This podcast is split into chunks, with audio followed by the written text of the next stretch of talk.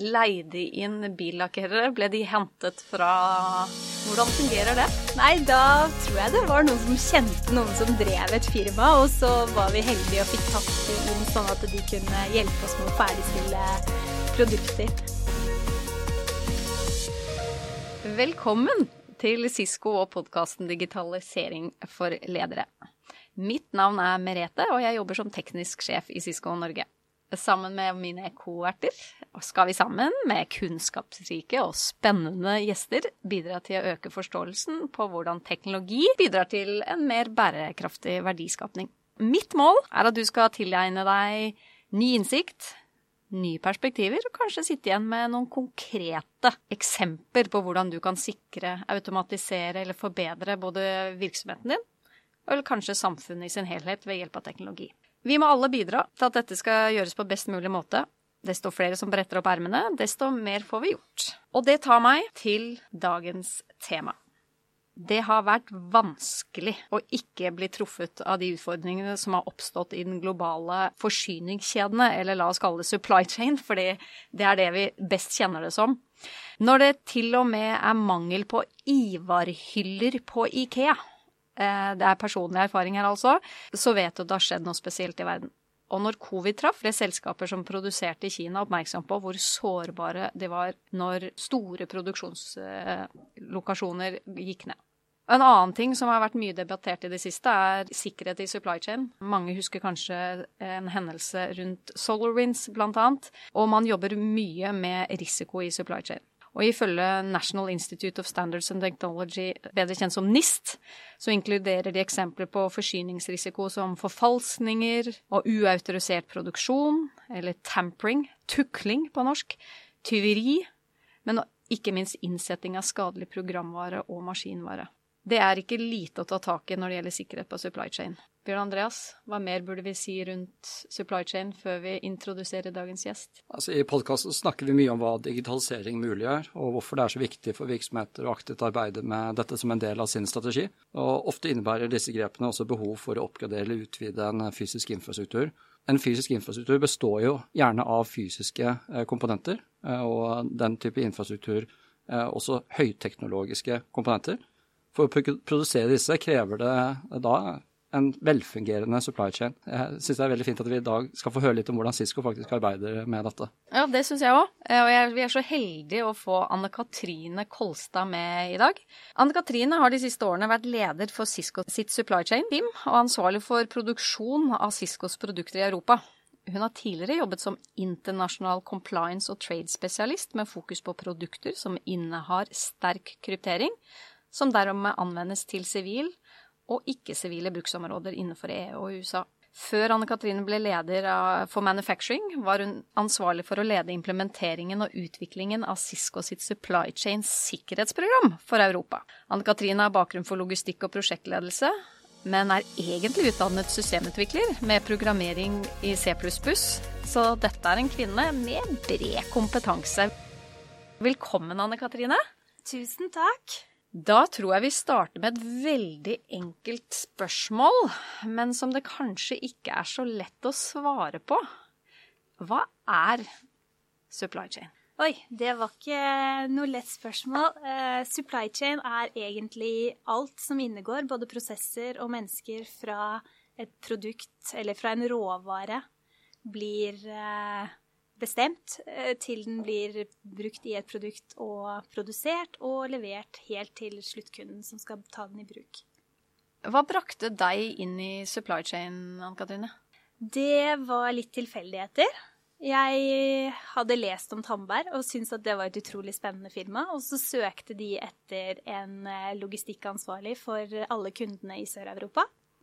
Så søkte jeg på den og begynte der, og det var veldig, veldig gøy. Og vi hadde veldig få kunder i forhold til hva vi har nå, og en veldig forenkla logistikk og supply chain-avdeling. Så da fikk jeg ordrene på faks og la de inn, og hadde Excel-ark som gikk inn til eh, Jon Fredrik, som var ansvarlig for produksjon, og spurte hva vi hadde, og når vi kunne levere, og vi printa eh, fraktdokumenter og etiketter som vi fysisk limte på boksene. Og dette var rundt uh, hvilket årstall var dette? Det var i 2002. Ja. Og da burde vi kanskje legge til at Hamberg er jo da dette selskapet som Cisco var så heldig å få lov til å kjøpe opp i sin tid. I 2010. Ja. ja. Ja, det var en reise. Men hva har skjedd? Det har vært en utvikling siden du satt og klistret på klistremerker på boksene, vil jeg tro. Hva er den store forskjellen til det Cisco du ser i dag? Det er jo, som Bjørn Andreas nevnte, den digitaliseringen hvor vi har fått digitalisert nesten alle prosessene våre. Samtalen vi hadde her før, som refererte, var jo at eh, leverandørkjedene nå begynner å bli veldig dype. Og det er mange variabler å forholde seg til. Det handler jo om å ha nok informasjon og ta de riktige beslutningene. Ja, og det er jo helt essensielt når du driver en supply chain av Cisco sin størrelse, kontra å ha 35 ordre om dagen, så har jo Cisco opptil flere tusen. Og det er jo veldig, veldig mange flere parter å forholde seg til, og de er jo helt avhengig av å ha helt oppdatert informasjon. Så her flyter jo alt digitalt, og vil jo aldri kunne ha håndtert og levert på det volumet med de prosessene som var opprinnelig Tandberg, da. Hva vil du si er de viktigste eh, kan du si, digitaliseringsprosjektene dere har hatt i supply chain for å lykkes med den veksten som det må ha vært å gå fra å være lille lille, passe store Tandberg til veldig store volum som vi har i Cisco? Jeg tror at det som har differensiert uh, Cisco sin supply chain i forhold til der jeg kom fra, er jo det fokuset på hele tiden ta ny teknologi i bruk. Og også sørge for at alle hele tiden lærer å bruke den nye teknologien. Og at man har tilgang til å endre verktøy fortløpende, og at de man samarbeider med, som er Cisco sine leverandører og underleverandører og kontraktprodusenter, også har all teknologien på plass og har muligheten til å effektivt eh, dele data som er relevant og oppdatert til enhver tid.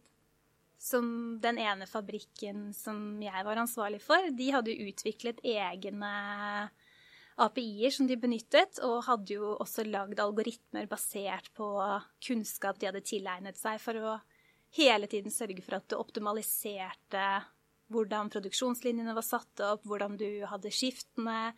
Vi trente opp f.eks. Eh, skift, sånn at de kunne hele tiden bytte på forskjellige linjer hvor de produserte basert på den kunnskapen for å hele tiden optimalisere både kostnad, kvalitet og effektiviseringen, da.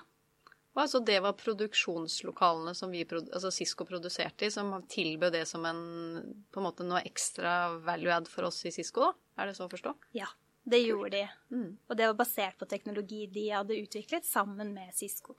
Jeg opplevde at uh, utfordret vi uh, våre produksjonssamarbeidspartnere da, i større grad kanskje enn andre gjorde? Det vil jeg si.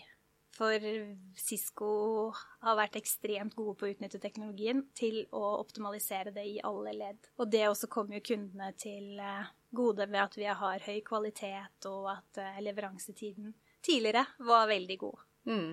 Det bringer meg naturlig over til dette med hva som skjedde når covid inntraff oss for i februar-mars 2020. Hva er det dere måtte tilpasse dere i forhold til covid og den ubalansen som oppsto? Oi, det var mye. Um, jeg husker det som det var i går. Vi hadde jo fulgt med på nyhetene, som sikkert de fleste, uh, og sett at uh, det var kommet uh, en, et virus i Kina som gjorde at veldig mye av våre produksjonslokaler, eller produksjonskapasitet, da, fordi folk ble jo syke, gikk ned veldig. Og fikk jo krisemøte med teamet til Cisco i Kina. Eh, og pga. Cisco sin globale strategi så har vi samme verktøyene og samme datafeeden som på en måte distribueres til de forskjellige lokasjonene basert på hvilke ordre som kommer og hva som skal produseres, men vi kan se hva som ligger i ordrebøkene globalt. Så vi så jo at produksjonskapasiteten deres gikk veldig ned, eh, og de ringte og ville ha krisemøte med oss. Da satt jeg faktisk på en flyplass, husker det veldig godt, og satt i møte i flere timer hvor de fortalte at de hadde mistet nesten 50% av kapasiteten pga. sykdom. eh, som var helt kritisk, og lurte på om vi hadde mulighet til å øke vår produksjonskapasitet i Europa og ta over produksjonen deres over de produktene som vi allerede produserte for det europeiske markedet. Så da besluttet vi å sette ned en arbeidsgruppe for å se hva vi kunne få til. Og det var jo kritisk. De fleste produktene våre hadde jo en ledetid på mellom 14 til 21 dager. Så det var ikke noe tid til å tenke så veldig lenge. Så vi satte oss ned med hele teamet og jobba faktisk eh, via verktøy som vi kunne jobbe på alle sammen og hentet inn alle ressursene vi hadde for å se på hvilke tekniske ting, hvilke komponenter, hvordan testtiden var, hva vi hadde tilgang til. Og alle disse tingene satt alle og jobbet på helt interaktivt sammen i et døgn, hvor vi da så at vi hadde muligheten til å ta over nesten 40% av kapasiteten. Så, og da, hvor satt du da? Eh, da satt du som leder i i, ehm, for hele produksjonen til Cisco i Europa med et stort Nettopp. team av både testingeniører og prosjektledere og mekaniske ingeniører. Da. Så alle de satt og så på forskjellige deler av produksjonen og råmaterialflyten, hva vi hadde kapasitet til. Og så av det systemet Cisco har, så kunne vi ved et tastetrykk, rett og slett, eh, swappe over eh, dataen til fabrikkene våre i Europa. Og så kunne vi se hva de eh, hadde på backlog, og så kunne vi også sammenligne det med alt vi hadde av materiell på vei inn, hva vi hadde på lager. Og så satt vi rett og slett i gang eh, produksjonen av det volumet. Det høres ut som dere satte ned og begynte faktisk å omprogrammere hele produksjonsapparatet eh, og vurderte hva, hva er alternativet tilnærming de kan ta basert på det som var da tilgjengelig. Altså, dette her høres ut som en svær team effort i seg selv, å få vurdert alle mulige Det var det, og det var også en kjempeteam effort med teamet i Kina.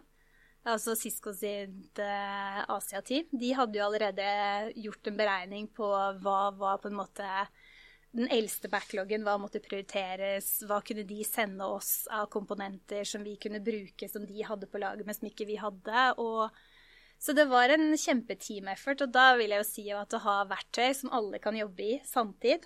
Mm. Eh, og vi hadde jo flere hundre forskjellige ting som måtte tikkes av for å se at vi faktisk kunne levere dette innenfor de rammene vi skal. Så vi endte opp med å ansette 155 stykker, faktisk i løpet av to uker for å også håndtere det ekstra volumet som eh, kom. Uten at noen egentlig visste at vi gjorde alt dette her i kulissene.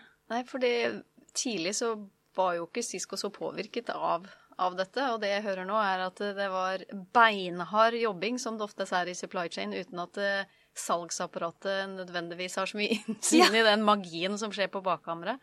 Ja, og det vil jeg si at det er rett og slett en 24 timers operasjon som pågår mm. globalt hele tiden.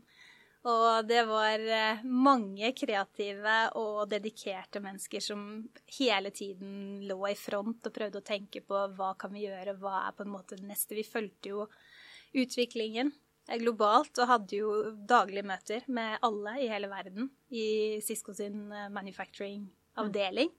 Og så på hvordan kan vi distribuere dette sånn at kundene ikke blir påvirket, og at vi fortsatt kan levere og optimalisere til tross for at eh, pandemien påvirket oss. Og det påvirket oss jo hele tiden. Så når vi kunne begynne å tilbakestille ordreflyten til Kina, så hadde vi jo plutselig områder i USA som var påvirket. Og da, gjorde, da hadde vi jo lært, så da kunne vi jo veldig enkelt endre på hvor ordrene droppet, da, rett og mm. slett.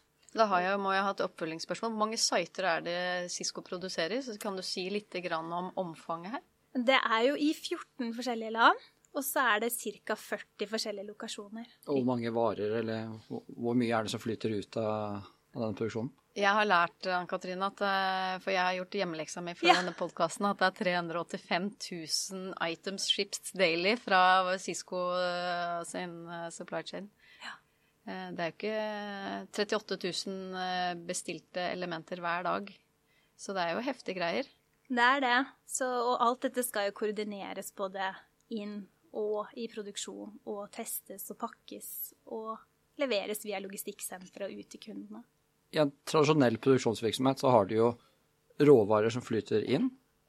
Ja. Så produserer du, og så bygger du, setter du det på lager, og så distribuerer du ut fra lager. Men nå sa jo Merete at uh, supply chain som skipper ut til produktene, hvordan er det dette henger sammen? Uh, hvordan Nei, Cisco har jo en modell hvor vi ikke har lager. Vi har jo Alt er jo uh, enten bygd til stokk, og da er det jo veldig, veldig kort tid man forventer at det ligger der. Eller så er jo alt configured to order, hvor bestillingene blir bygd. Sånn at eh, det som kommer inn av ordre, det vet vi kvelden før. Så blir det lagd til en liste som blir hentet komponenter, og som blir lagt klare til å legges på produksjonslinjen. Og så blir alt produsert og testet og pakket basert på kundebestillinger.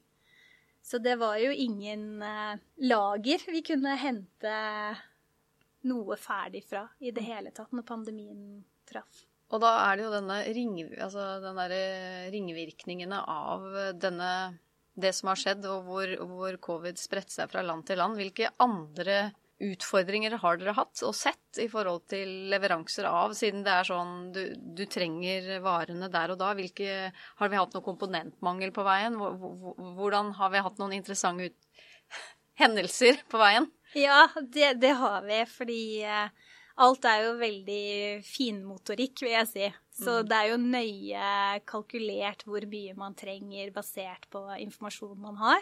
Og mange komponenter som kanskje har lang holdbarhet, har man jo tenkt at man kan ha på lager. Så vi har jo tidligere hatt eh, f.eks. Eh, maling, som uh, har jo vært alltid standardvare, for det går jo ikke ut på dato. Men under pandemien så oppdaget vi plutselig at vi var tomme for det også. Og da fikk vi jo et problem med at eh, når vi bestilte det, så fikk vi kun i fem kilos bokser. Og normalt så er jo robotene innstilt på 20 kilo, så da måtte vi leie inn eh, billakkerere som kom for å sprøytelakkere produkter som normalt ville ha blitt gått i automatiseringsprosesser. Var dette leide inn billakkerere? Ble de hentet fra Hvordan fungerer det? Nei, da tror jeg det var noen som kjente noen som drev et firma, og så var vi heldige og fikk tatt de inn sånn at de kunne hjelpe oss med å ferdigstille produkter. Det er dedikasjon for å få levert produktene, i hvert fall. Det skal ja. sannelig sies uh, imponerende. Nå har vi vært innom det med tilgang på komponenter og, og eksempelet du ga med malere, at ja. det, eh, det er også ha eh, produksjonskapasiteten eh, intakt. Men ting da er ferdigbygd, er det jo slik at vi og, og andre tilsvarende virksomheter leverer jo da produktene ut til hele verden. Verden er jo avhengig av et fungerende logistikkapparat, at vi evner å flytte ting mellom kontinentene og mellom land. Og oppi alt det her da, så fikk vi jo situasjonen med Ever Given, skipet som satte seg fast i Suezkanalen. Jeg leste litt om eh, Ever Given og fant ut at eh, Ever Given er på 200 000, en tonnasje på 200 000. Og de kan ta ca. 20 000 konteinere eh, om bord. Dette tilsvarer da 14 millioner sykler. Og jeg så på noen sykler i fjor sommer og fant ut at det var også noe som var vanskelig å få tak på. Det kan hende at det var med. Situasjonen med det skipet var med på å skape eh, mangel på tilgang på det. Det var visst mange sykler om bord på det skipet. Og det var jo ikke bare det ene skipet som egentlig satt fast heller, da. Eh, det, var jo, det skapte jo en, eh, en kø av andre skip. Altså 12% av det globale maritime godstransporten går jo gjennom eh, Suezkanalen. Mm. Noe som representerer da rundt 80 milliarder kroner hver dag i varer som går gjennom det punktet. Det at et skip skaper en slik flaskehals og de ringvirkningene i eh, logistikkjedene, var det egentlig en wake-up call som avdekket at det moderne samfunnet som vi nå er en del av, har kanskje litt for lange forsyningskjeder, litt for dype forsyningskjeder, og som egentlig gjør oss veldig sårbare.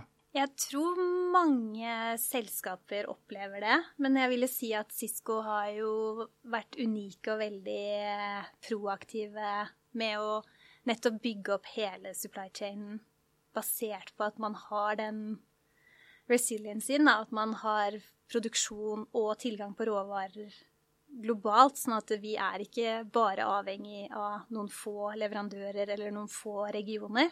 men at vi har uh, spredd det risikoen, da, på tvers av alle landegrenser. Det var noe vi hadde gjort tidligere. Jeg husker jo flommen i Thailand også mm. skapte jo en lignende situasjon for mange, mange år siden. Da hadde vi jo mangel på også viktige komponenter i produktene våre pga. det. Ja, og det er vel noe Cisco har tatt lærdom av for mange år siden. Sånn at vi har jo mer enn 700 godkjente underleverandører, og de befinner seg i alle områder av verden. Eh, og vi har også alternative underleverandører, sånn at hvis noe skulle skje et sted, så har vi muligheten til å få det fra noen andre. Ja, for én ting er jo at vi tydeligvis har skjønt det gjennom tidligere hendelser, men jeg tenker jo dette er jo ikke bare Cisco. Eh, det er mange virksomheter nå mm. som enten er avhengig av råvarer til sine egne produkter, eller som nå viser seg at de var avhengig av produkter som igjen var avhengig av råvarer eller noe fra deler av verden, da, hvor en sånn hendelse kunne skape en, en flaskehals i ja. verdens eh, si, logistikkmaskin. Da. Ja, og 100% garantert eh, risiko vil det jo aldri være. Men jeg opplevde jo at eh, vi lærte ekstremt mye, og ble jo bedre og bedre uke for uke basert på lærdommen vi tok. Men det var jo hele tiden ting som kanskje ikke var som evergreen, men vi hadde f.eks. et fly med mange komponenter vi ventet på, som plutselig måtte nødlande pga. tekniske problemer. Og skapte jo da forsinkelser, og i veldig mange tilfeller så under pandemien og pga. mangel på råvarer, så sto jo produksjonskapasiteten og ventet på råvarer. Tror nok vi og mange andre sannsynligvis kommer til å ha mer lager, kanskje. Og ikke være så rett fra innkommende materialer til produksjon eh, på sikt. Og det er jo noe Cisco også har gjort. Eh, vi har jo etablert mer Vi har f.eks. etablert strategiske huber, som vi kaller det, hvor vi har kritiske komponenter som blir kjøpt inn, som vi har lite grann eh, lager av, som vi tidligere ikke har hatt, fordi man rett og slett ser at risikoen er så høy.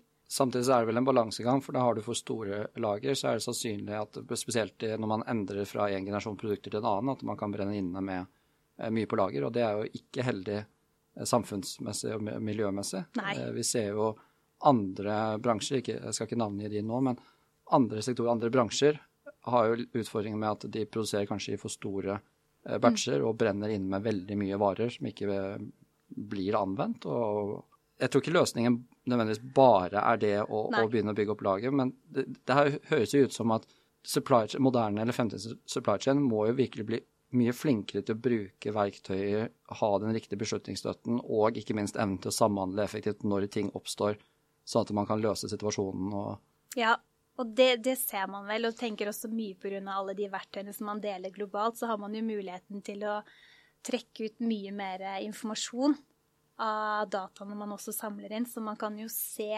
og lage analyser og se potensielle trender, og forhåpentligvis ligge i forkant. Og der tror jeg Cisco har vært eh, veldig, veldig gode på å, å se og prøve å være mer fremoverlente, basert på informasjonen vi har. Og med Evergaven så var det da faktisk bokstavelig talt fysisk kork i Suezkanalen. Det er ikke mange år tilbake før uh, Marsk Eh, ble uh, angrepet eh, med et ransomware-angrep, som også gjorde mm. at de fikk redusert si, kapasitet da, i, en periode. Så det, det, ser ut som det er et mønster. at det, det, er vel ikke akkurat den siste episoden som kommer til å gjøre supply chain vanskelig og krevende. Nei, og det er vel kanskje den største utfordringen, er jo å sørge for både kvalitet og sikkerhet og til rett kost og ivareta arbeidere og sørge også for at man har miljøhensynet i bakhodet hele tiden. Og det er vel kanskje en av de tingene man før, som vi så var veldig bra, var at vi var flinke til å ta inn ubrukt utstyr som var returnert, eller som hadde ligget på lager hos eh, distributører f.eks., og bruke alle de komponentene direkte igjen i produksjon etter å ha sett at det var 100% bra. Så det var jo noe som ble akselerert gjennom pandemien, som vi ble enda bedre på. Det tar meg til en, et veldig viktig tema eh, som eh, jeg vet at mange av kunder og partnere av oss eh, tenker mye på. Det er jo sikkerhet i supply chain. Og der vet jeg at du har jo jobbet med dette temaet i Cisco. Kunne du si litt om det? Det er jo Første prioritet er jo selvfølgelig sikkerhet på alle nivåer på fabrikkene. Og spesielt, som du nevnte også, med det med at man har gråmarked. Det kan være ikke ordentlig testing av utstyr, eller det kan være at det er eh, tampered with. Eh, jeg vet ikke godt norsk ord for det. Vi hadde jo en egen gruppe som ble satt inn for å nettopp se på sikkerhet i uh, supply chain, for det er klart at der har man jo tilgang. Vi er jo direkte kobla på Cisco sine systemer inn i fabrikkene. Og det lastes jo software, og du har jo nøkler og oppgradering og veldig, veldig mye kritisk informasjon som ligger tilgjengelig. Så det var ekstremt viktig å sørge for å sikre det. Så Cisco sin supply chain endret jo hele testsystemet for eh, produksjon for to år siden. Og bruker Cisco sin egen teknologi eh, når det kommer til eh, sikkerhet i alle ledd av produksjonen. Når du sier Ciscos sikkerhet, øh, hva betyr det? Vi bruker egen teknologi som øh, er øh, satt sammen for å sørge for at alle verifiseringer og valideringer og alt som Cisco bruker på egne ansatte i forbindelse med å sørge for at det ikke skjer noe datalekkasjer, eller at noen kommer inn, eller at man har uautorisert bruk.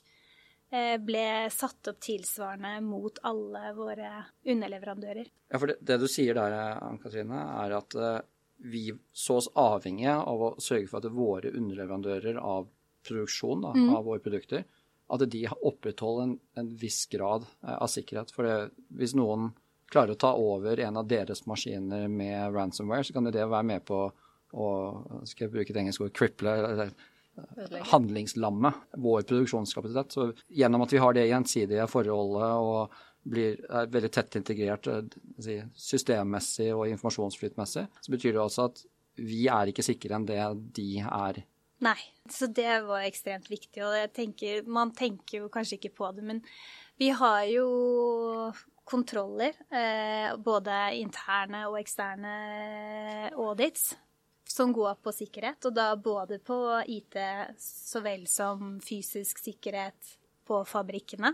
F.eks. en komponent som har blitt eh, ødelagt, eller det kan være en liten ripe som blir lagt for å scrappes, som vi kaller det. Den kan jo, hvis man ikke har de rette kontrollparameterne, så kan jo den forsvinne i f.eks. gråmarkedet. Så det er jo uhyre viktig for Cisco. Så der er det jo egne dedikerte team som er trent opp, og som er fysisk på de forskjellige produksjon- og logistikkstedene. Og følger opp, og vi har implementert mange prosesser og kontrollpunkter, både, både digitalt så vel som uh, fysisk til stede. Da. Ja, for Det handler om at i visse leveranser så er jo vi nødt til å kunne stå for integriteten eh, til produktene. Og når du sier hvis produkter kommer på avveie og utgir seg for å være våre produkter, så mm. kan jo ikke vi det. Nei. Så det er dedikerte team i Cisco som jobber med fulltid. Og har veldig, veldig god kontroll på det. Da må jeg prøve å stille spørsmål som kanskje noen av lytterne som har en, sin egen supply chain, kanskje er interessert i. Hva er de viktigste tingene, tror du, som dere tok tak i i dette prosjektet rundt sikkerhet? Altså, hva tror du har størst impact, eh, og hva er nyttigst å gjøre? Eller, og eventuelt fortell noe om du syns det var noe ekstremt vanskelig å få til. De er ofte de viktigste. Jeg tror jo å gjøre folk oppmerksomme på det, fordi veldig ofte så er det mennesker som gjør ting i god tro, og av og til ikke i god tro. Og det å drive med opplæring og dele informasjon og sørge for at alle forstår hvorfor det er viktig, og hva de kan gjøre. Det tror jeg kanskje var det viktigste vi gjorde. Å være synlige og hele tiden fortelle hvorfor det var viktig, og hva de kunne gjøre, og lære de hvordan de selv kunne beskytte både seg og både privat og jobben de jobber for. Så det tror jeg var liksom det viktigste vi gjorde, var rett og slett det. Det er interessant å høre du si det, for man kunne nesten forvente at uh, svaret hadde vært man installerte noe eller implementerte noe sikkerhetsteknologi, men det du sier er at uh, bevisstgjøring hos hver og en av de som arbeider der, var faktisk et viktig grep. Veldig, og ikke bare de, men også alle underleverandører, alle kollegaer, alle som var i kontakt med oss på et eller annet vis. Hele tiden sette det i, som prioritet nummer én, og hele tiden også forklare at de kunne fort være en inngangsport uten at de i det hele tatt var klar over det selv, hvis de mm. ikke var oppmerksomme. Et annet viktig tema er bærekraft. Hva er det som har skjedd på supply chain-siden rundt bærekraft de siste årene? Det har alltid vært viktig for supply chain. Så dedikerte team som har jobbet med det i mange, mange år. Og veldig glad for det fokuset det har fått nå. Så en av de tingene som er gjort, er dette jeg nevnte, at vi tar tilbake eh, produkter og ser om vi kan eh, dismantle dem og gjenbruke kritiske komponenter på nytt. Eh, man har hatt prosjekter hvor man har eliminert eh, all papir, som man har digitalisert, så ingen papir skal sendes i noen bokser, så sant det lar seg gjøre. De har også hatt plastikk som man pakker produktene inn i, som kan brukes på nytt. Og produksjon av bokser, som også kan gjenbrukes, og er produsert miljøvennlig. Og hele tiden sett på Så det er en sånn kontinuerlig prosess i supply chain i Cisco. Å se på alle aspekter av hvordan man kan optimalisere og være mer miljøvennlig. Et mål jeg har hørt, er at vi skal eliminere totalt bruk av skumplast. Blir det riktig norske ord? Ja, det tror jeg. Foam. Hva, men hva innebærer det? Er ikke det bare å fjerne eh, skumplasten og bruke noe annet, eller? Det har ikke vært så lett, og et av de prosjektene jeg jobbet med som fortsatt er et mål, er jo å se om man kan bruke mer av de samme boksene. Sånn at man slipper å produsere veldig mange forskjellige bokser og pakke bokser i bokser.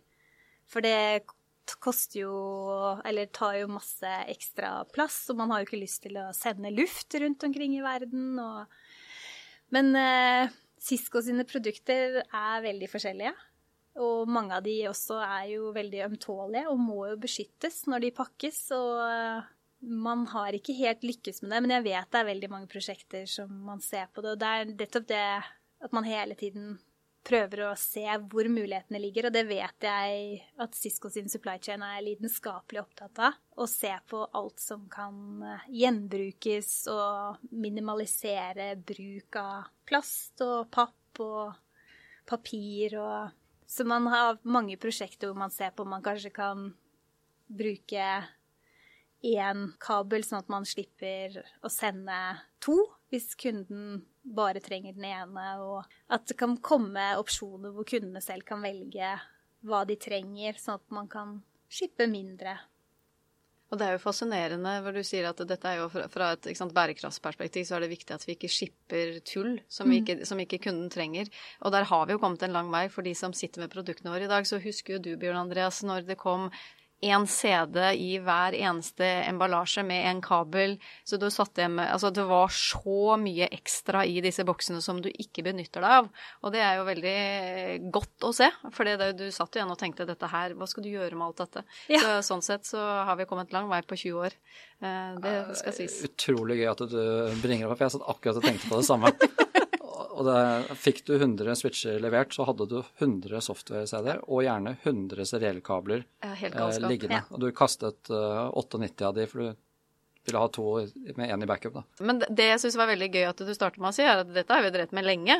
For, for eh, selv om uh, Greta Thunberg er kommet inn i livene til alle, og det har vært en veldig fokus på det de siste årene, så, så sier du at dette har vært en pågående, pågående og holdt på over lang tid. Veldig, og det er jo derfor også Sisko har valgt å ha en strategi hvor du har produksjon så nære kundene som mulig, for å ikke sende ting lenger distanser enn det du må. Hvor, hvor nærme sitter produksjonen til, siden nå sitter vi her i Norge, eh, hvor produseres utstyret til eh, nordmenn? I hovedsak så er det i Tsjekkia eller i Nederland. Det er ikke så lang reisevei? Nei.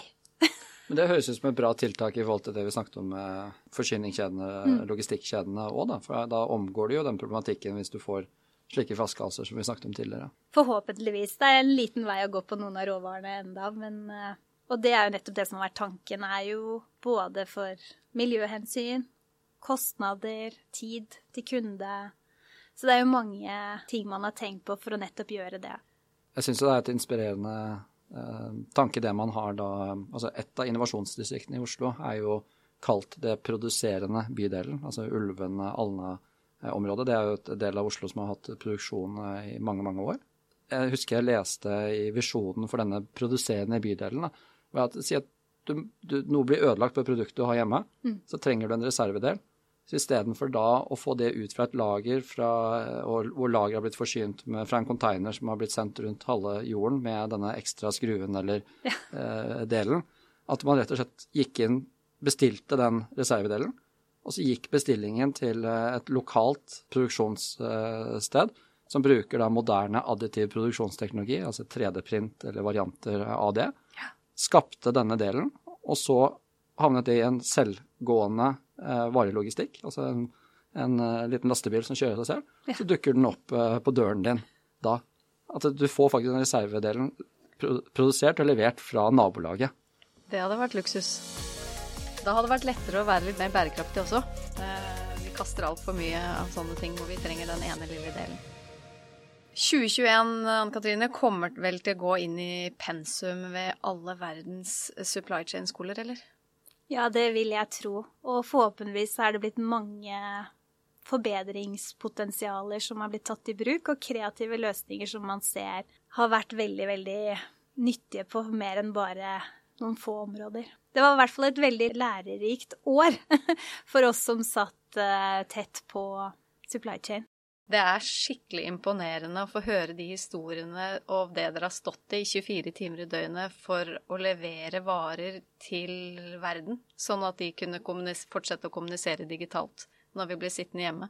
Så med det så er det også tusen takk til alle dere som sitter på, på Cisco-bygget i Supply Chain, og til deg, Ann Katrine, for det arbeidet dere har gjort. Det har vært kjempeviktig. Eh, så med det, tusen takk. Tusen takk for at jeg fikk komme.